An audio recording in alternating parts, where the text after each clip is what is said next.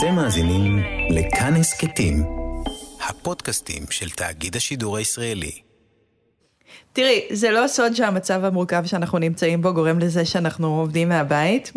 אה, כפי שאת רואה, אני החלטתי לעבור אה, לספם, כי ישבתי הרבה שעות ליד השולחן וקצת נמאס לי. מצוין. כן, ואני כבר כאן שבועיים. איך עושים את זה? איך, איך עובדים מהבית בעצם? שלום, אני דנה פרנק ואתם מאזינים לחיות כיס. אז כן, רבים מאיתנו עובדים מהבית, כבר שלושה שבועות שהם מרגישים כמו נצח. וזה לא פשוט, לעבוד מהבית זה מצב שמזמין המון קשיים.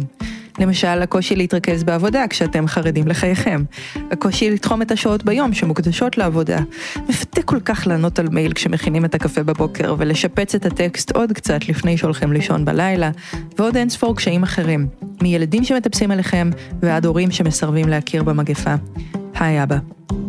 ולכן החלטנו להקדיש לזה פרק, לדבר רגע על איך עובדים מהבית, בימים רגילים ובימים הלא רגילים שאנחנו נמצאים בהם עכשיו. אז הנה כמה רעיונות.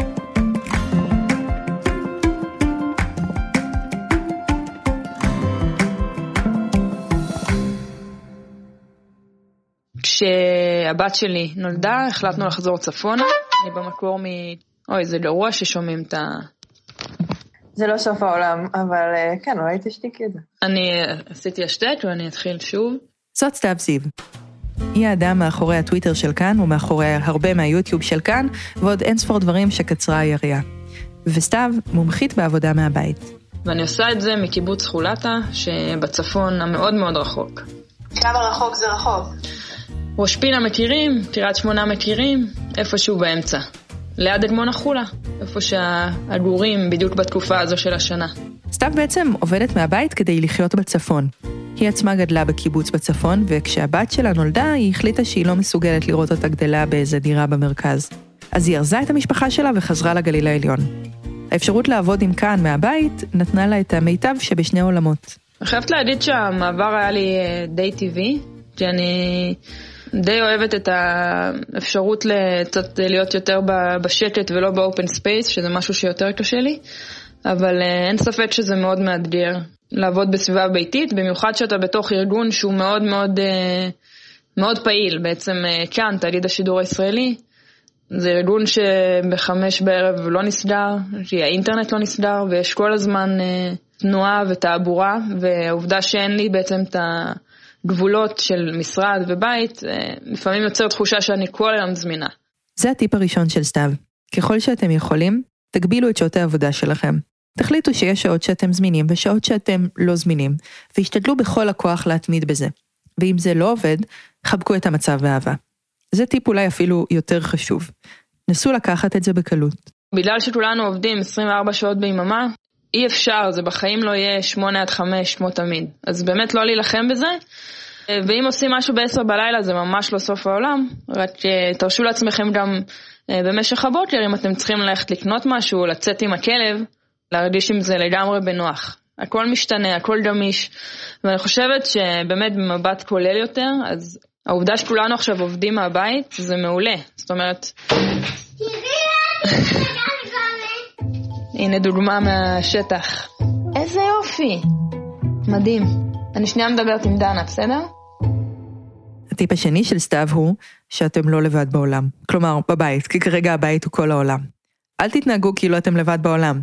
במילים אחרות... תהיו טובים. אם בני הזוג שלכם לא עובדים והם כביכול אלה שצריכים להיות עם הילדים, זה לא אומר שאתם אה, לא יכולים באמת לעזור, ואני תמיד משתדלת לעשות כלים, לזרוק את הזבל, לבוא לזה בתור אה, עבודת צוות. הטיפ הבא של סתיו הוא מכיוון אחר לגמרי, טכנולוגיה. לעבוד עם אה, וואטסאפ ווב. יש המון הודעות וואטסאפ כל הזמן, והוואטסאפ ווב מאפשר באמת אה, לא להשתעבד לטלפון כל הזמן, אפשר ככה לפתור הרבה דברים במהירות, במקום גם להתקשר לאנשים. אני פחות אוהבת עכשיו שמתקשרים אליי כי לתקתק למישהו מאפשר לך גם לעשות עוד דברים במקביל, וכשמישהו מתקשר זה פשוט לפעמים לא בא בזמן טוב. אני מרגישה שיש פה רמז כלפי השיחה שלך. לא, לגמרי לא. ויש עוד משהו, שלא נשמע קשור לעבודה מהבית, אבל משפר את איכותה להפליא. ככה לפחות אצל סתיו. לאמץ כלב. אני שמתי לב שהטיולים שלי עם הכלב, אה, שלוש פעמים ביום או אפילו יותר, הם הרגעים הכי שקטים, נקיים. אפילו אפשר, את יודעת, לקרוא משהו באינטרנט שלא יצא לך עם הרעש בבית או עם העבודה. ולגמרי, לכו על זה. כן, כלב. עכשיו, למרות שיש לנו המון דברים לדאוג לגביהם עכשיו. כי כשעובדים בבית ולא יוצאים כמעט החוצה בכלל, צריך שהסביבה הזאת תכיל את כל שמחת החיים והנעימות והקסם שאנחנו צריכים בחיים שלנו. וזה מביא אותי למומחית השנייה שלנו להיום, כנרת רוזנבלום. כאילו לעבוד עכשיו זה עול שהציבור אה, לא יכול לעמוד בו בנוסף לכל הבישולים האינסופיים ושיעורי היוגה בזום. אבל, אבל למעשה, אני חושבת שההפך הוא הנכון. אה, עבודה, יש לה פונקציה, מעבר כמובן לפונקציה הכלכלית, שסופר חשובה תמיד ובימים אלה בכלל, עבודה היא דבר מחזיק. כנרת היא סופרת ויועצת ארגונית, ויש לה בלוג מעולה בשם רווחים על ניהול, עבודה וקריירה. דיברנו איתה בעבר בפרק 85 של חיות כיס, וואו זה היה מזמן, הרוצח השקט של יום העבודה. כמו כמה מומחים אחרים שראיינו לאורך השנים, גם כנרת עלתה למעמד של אה, ידידת ההסכת, והיה כיף לדבר איתה על המצב הנוכחי, שהיא מכנה מתקפת זומבים. אז הנה הטיפים של כנרת רוזנבלום לאיך עובדים מהבית. קודם כל, סדרו לעצמכם סביבת עבודה יפה ונעימה. אני רואה שגם את וגם אני שמנו פרחים מאחורה, אז למשל זה, זה לא הדבר הראשון ש... שיטות של פרודוקטיביות ידברו עליו בלשים פרחים, אבל לי למשל זה מאוד אה, חשוב, כמו סודה, עפרונות צבעוניים, מחשב טוב, גובה מתאים, כל מיני דברים מהסוג הזה. אה, לי למשל אני יודעת שסביבת עבודה עם אור יום נורא נורא עוזרת לי, עם אור יפה, עוזרת לי מאוד אה, לכל דבר שהוא, בטח של העבודה. דבר שני, אם קשה לכם למצוא משהו להיאחז בו בתוך ים אי הוודאות של הכאן ועכשיו, צרו לעצמכם רשימה, ותחזיקו אותה בכל הכוח. אני מתה על רשימות, גם היום אני ממליצה להתחיל יום עם רשימה, אה, לעשות לוח זמנים שעוזר לו וסדרי עדיפויות. הדרך הכי טובה לעשות סדרי עדיפויות, לפי כנרת, זה דדליין. דדליין זה דבר קסום. ואם במקום העבודה שלכם עכשיו יתרופף הקצב, צרו אותו על עצמכם, מול העולם החיצון, מול הצוות או הבוס שלכם, תודיעו, היי, hey, עד יום שני אחר הצהריים, אני מסיימת לכתוב את הטקסט על איך לעבוד מהבית. בסדר? זה עוזר מאוד. להתחיל לעשות סדר ביומיום. אז פרחים, סודה, שוקולדה, עפרונות, אור יפה, רשימות מסודרות, זה הכל נפלא, באמת. אחלה כלים לעבודה מהבית, שהיא, כמו שכנרת אמרה לי, בעיקר עבודה לבד. אבל אחרי שדיברנו על מה הכלים לעבודה יעילה מהבית בימים כתיקונם, let's talk to agree. בזמן הזה תעבדו מהבית איך שרק אפשר. השתמשו במה שאתם יכולים. בעבודה מהבית בעת הזאת, ניקח מה שנותנים לנו. זאת אומרת, פשוט ניקח מה שנותנים, מה שנותנים לנו לפני שהילדים קמים, לשחד אותם במה שאפשר, לשחד את השותף שלנו, מי שיכול לעזור לנו ב... להתחלק בדברים האלה, אה, לעבוד לפני, לעבוד אחרי. כנרת אומרת, בואו, אפילו אם אנחנו מאנשים שלא איבדו את מקום עבודתם, ויש לנו בית לעבוד ממנו, ואנחנו בריאים. לכאורה אנחנו בצד שיחסית חוטף פחות מהמגפה, המשבר, הדבר הזה שמתחולל עכשיו בכל העולם. עדיין, אלו ימים קשים מאוד, וזה בסדר אם קשה לנו להיות פרודוקטיביים. אנחנו לא מדברות באמת עכשיו על עבודה מהבית, באשר היא עבודה מהבית, אנחנו מדברות על עבודה מפול האוס, מבית שהוא מלא בילדים ומלא.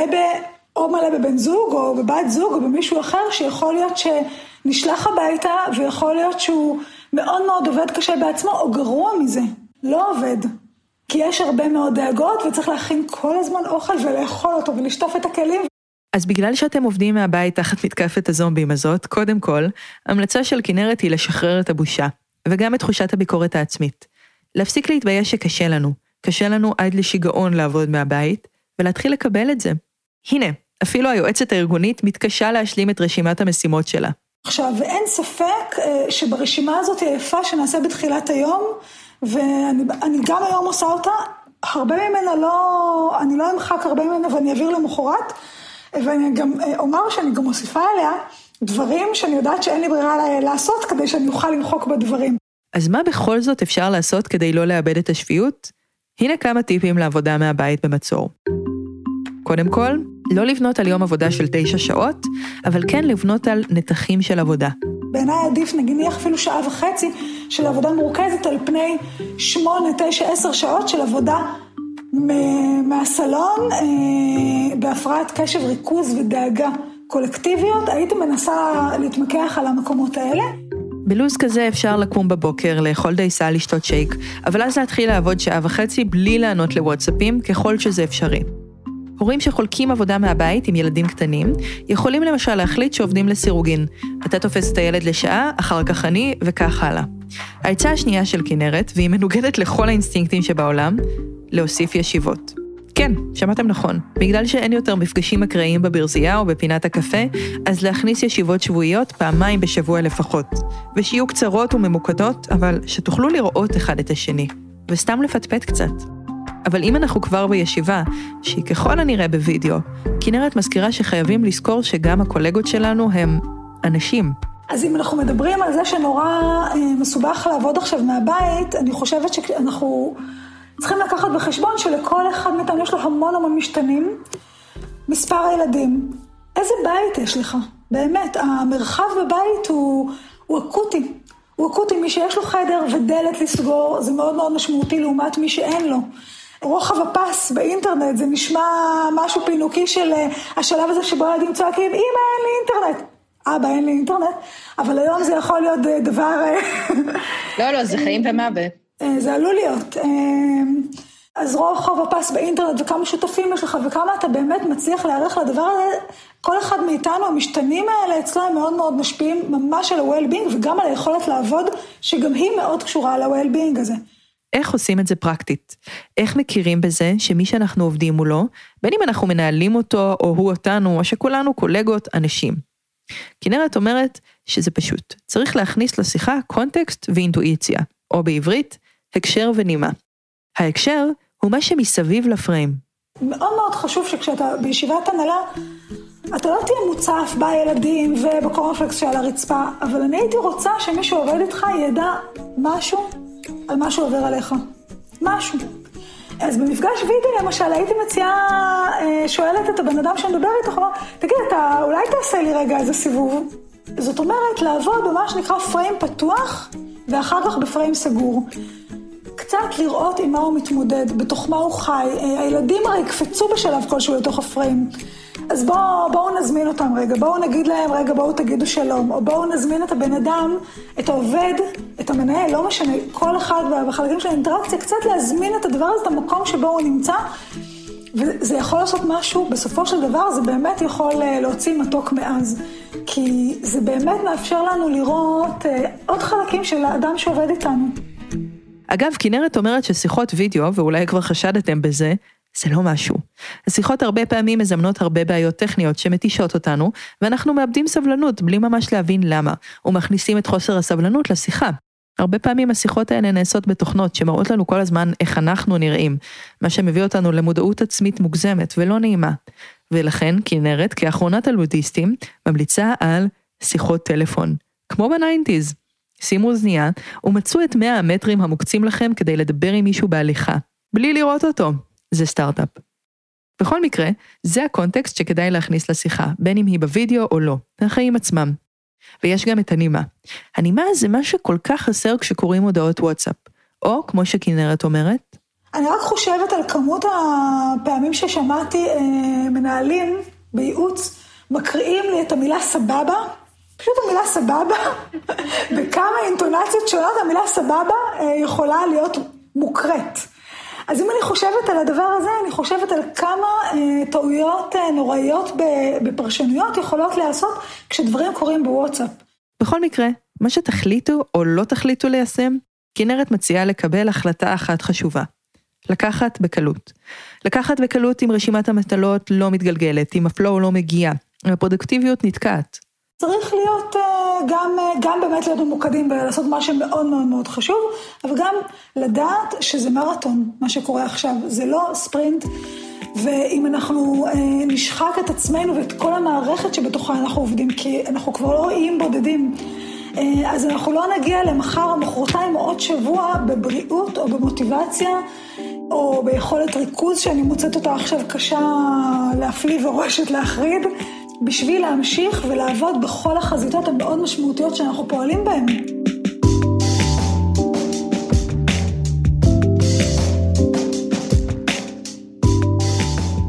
אז עד כאן עולם הטיפים המופלא של כנרת וסתיו לאיך לעבוד מהבית בלי למות בדרך.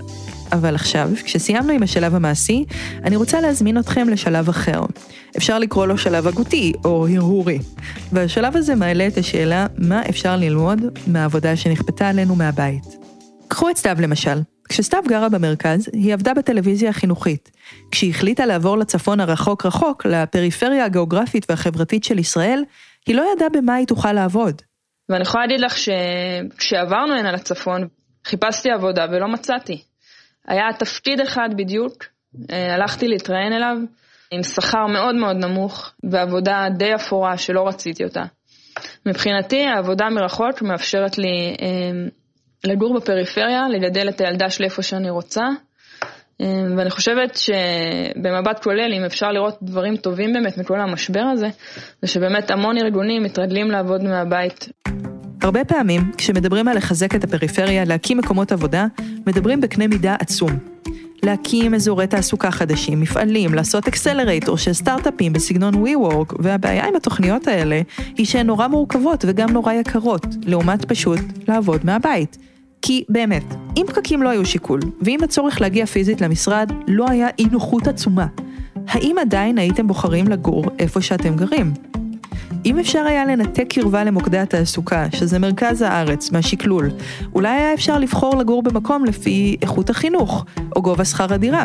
אם לא היה צריך להגיע כל יום לעבודה, אולי אנשים היו קונים פחות מכוניות, ובכל מקרה נוסעים פחות שעות.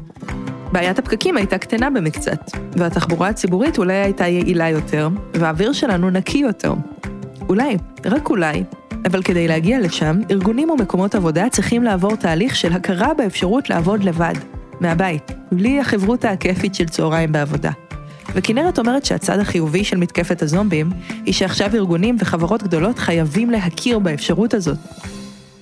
אני מאוד מאמינה בתמהילים, אני חושבת שלעבוד לגמרי לבד מהבית זה קשה מאוד ולא טוב, לא, לא, לא מיטיב לא עם האדם ולא עם העבודה שלו, ולעבוד כל הזמן מהמשרד, בטח לא על open space שעליו דיברנו בעבר, גם זה לא, אה, לא אופטימלי, ואני חושבת שזה מאוד מאוד רחוק מאופטימלי, ואם יימצא התמהיל הזה יהיה נהדר. אבל יש עוד דבר, יש דברים שטוב מאוד לעשות לבד, ויש דברים שטוב לעשות ביחד, ואני מאוד מקווה להגיע לשלב שבו נוכל לשבת ולהסתכל ולראות בעתיד, בלי שיש לנו איזה כוח עליון שכופה עלינו את הדבר הזה, איך מחלקים את העבודה אה, אה, בנפרד, ומה נכון לעשות בנפרד ומה נכון לעשות ביחד, מתי נכון להתעקש על תקשורת. ועל פיקוח ועל דרבון, ומתי כדאי לעזוב, וזה ייצר פנאי גם למנהלים וגם לעובדים, ואני רוצה להיות סקרנית, אני סקרנית כלפי השיחה הזאת והצעד הזה. אלו שינויים שמכים עכשיו בכולנו בבת אחת, והם מעלים בהרבה מחשבות, ואולי גם בכם. קצת קשה לשקלל אותם בתוך חרדה קיומית וכלכלית ומה שזה לא יהיה שקורה בחוץ. ובכל זאת, כדאי לתת רגע ולחשוב על זה שהם שם. ואם זה נשמע לכם כמו נחמת עניים, אתם כנראה צודקים. אבל גם זה משהו בימים האלה.